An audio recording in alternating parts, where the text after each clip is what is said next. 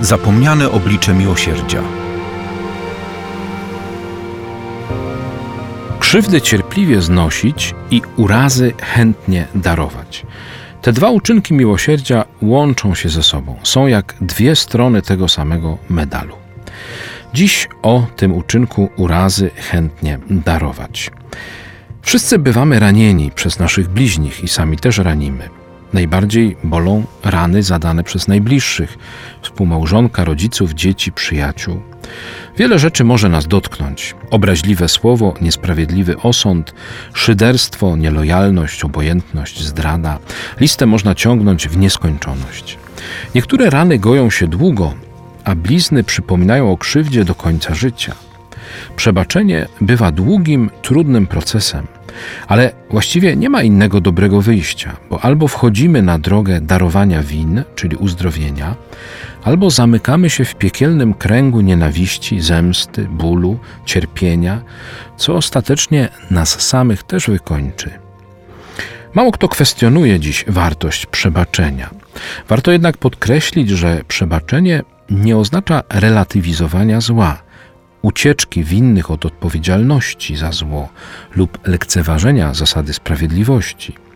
Darowanie urazy jest aktem miłosierdzia ze strony krzywdzonego, ale nie jest prawem krzywdziciela. Przebaczenie nie oznacza usprawiedliwienia zła. Drogą do leczenia wszelkich ran, zbrodni i krzywd, zarówno w osobistych relacjach, jak i w przestrzeni społecznej, jest przebaczenie. Ale autentyczne pojednanie nie dokona się, jeśli w imię miłosierdzia zaciera się granice między krzywdzącym a krzywdzonym, katem a ofiarą, złem i dobrem i świadomie bądź nie rozmywa osobistą odpowiedzialność. Niektórzy powiadają, system zawinił, ale ludzie chcieli dobrze. Z takimi działaniami mieliśmy i miewamy do czynienia, na przykład w odniesieniu do zbrodni komunizmu. Warunkiem przebaczenia nie jest wcale to, by krzywdziciel uznał swoją winę. Jezus przebaczał swoim oprawcom w momencie, gdy oni byli pewni swego. Ojciec przebaczył synowi marnotrawnemu, zanim ten powrócił do niego.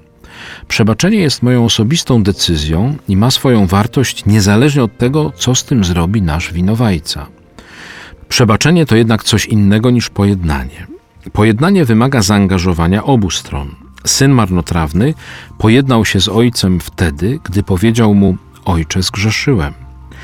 Akt darowania urazy jest decydującym krokiem do pojednania, ale warunkiem pojednania jest przyjęcie przebaczenia, czyli uznanie winy przez krzywdziciela i podanie dłoni temu, kto przebacza. Pojednanie nie dokona się, dopóki krzywdziciel pozostaje w cynicznym przekonaniu, że przecież nic wielkiego się nie stało i że każdy ma coś na sumieniu. Co mówi Bóg? Bóg nie da się nam wyprzedzić w miłosierdziu. Jest Ojcem, który wciąż nas przygarnia, marnotrawnych synów, i nie tylko daruje nam krzywdy, ale i przywraca utraconą godność. Ojcze, przebacz im, bo nie wiedzą, co czynią, wołał Jezus z krzyża. Zło jest rodzajem zaślepienia, rozminięcia się z prawdą. Każdy oprawca ma coś z dziecka we mgle, uderzającego na oślep. Jezus daje nam nie tylko wzór przebaczenia, ale i uzdalnia nas do naśladowania Jego miłosierdzia. Krzyż jest znakiem Bożej miłości, która nie odpowiada złem na zło. Miłość wystawia się na cios i przez to sprawia, że zło traci swoją siłę, wypala się. Temat przebaczenia pojawia się nieustannie w Ewangelii.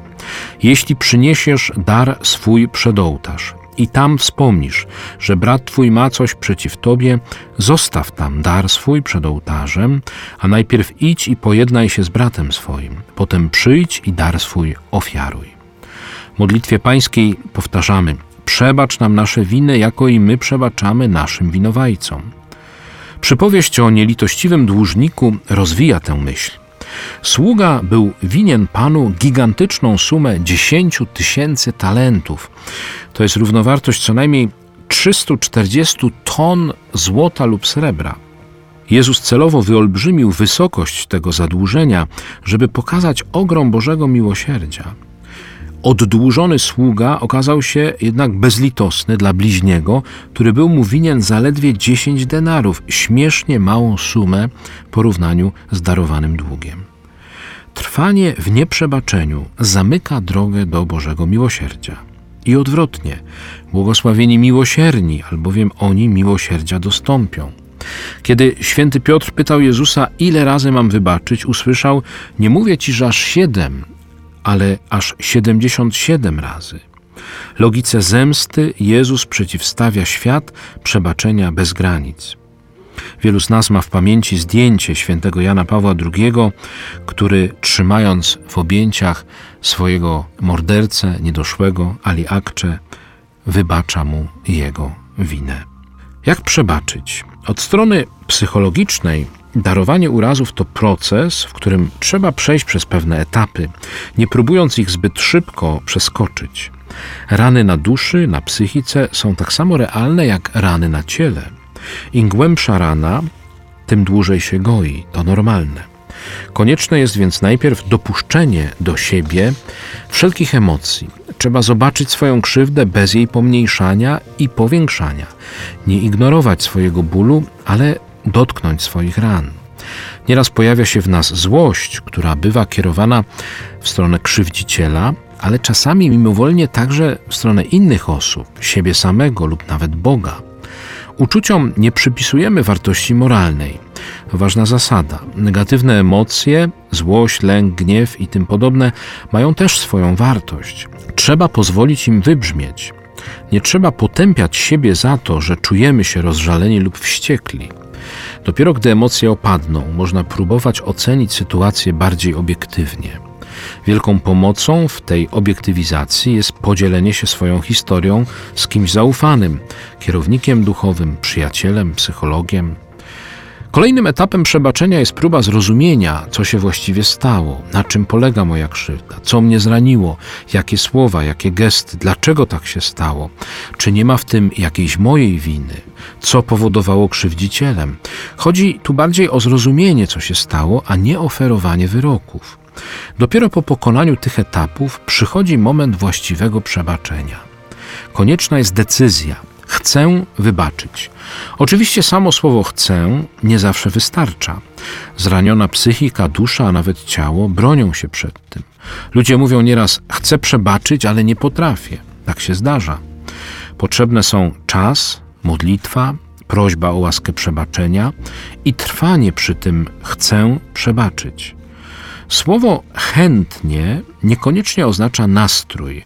Odnosi się ono raczej do chęci, czyli akcent pada na wolę, na decyzję o przebaczeniu. Chodzi o przekonanie, że lepiej jest przebaczyć niż trwać w nienawiści czy pragnieniu odwetu. Kiedy przebaczam, uwalniam siebie samego od psychiczno-duchowego brzemienia związanego z doznaną stratą dobrowolnie, w tym sensie chętnie, rezygnuję z egzekwowania długu, który zaciągnął u mnie bliźni. Nie oczekuję odpłaty. Oczywiście najlepiej byłoby, gdyby przebaczenie zostało przyjęte, ale nie powinno się uzależniać przebaczenia od zmiany postawy krzywdziciela. Czy przebaczenie oznacza zapomnienie? Niekoniecznie. Czasem po prostu nie da się zapomnieć. Przebaczenie pozwala jednak uwolnić się człowiekowi od wiecznego kręcenia się wokół swojej rany. Pozwala żyć dalej w wolności, mimo blizn. Czy trzeba przebaczyć także sobie? W pewnym sensie tak. Fundamentem wybaczenia sobie jest Boże przebaczenie. Wybaczyć sobie oznacza uznać, że grzech mnie nie przekreśla, że mogę zacząć od nowa. Czasem tu i ówdzie można spotkać zwrot przebaczyć Bogu.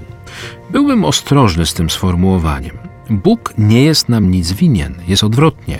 To my jesteśmy dłużnikami Boga. Owszem, czasem mamy Panu Bogu coś za złe. Nasza modlitwa bywa krzykiem przeciwko Niemu. Patrz, Hiob. Bóg się o to nie obraża. Ale prawda jest taka, że my nie musimy Bogu niczego wybaczać. Przeciwnie, potrzebujemy Jego wybaczenia. Stąd mówienie o przebaczeniu Bogu, choć uzasadnione w jakiejś mierze psychologicznie, z punktu widzenia dogmatycznego jest mylące. Postulowałbym odejście od tego sformułowania. Bóg nigdy nas nie krzywdzi, nawet jeśli my czasem tak to w emocjach odbieramy. Bóg jest zawsze po stronie doznających niesprawiedliwości i cierpienia, a nie po stronie krzywdzicieli. Widać to wyraźnie na krzyżu Chrystusa.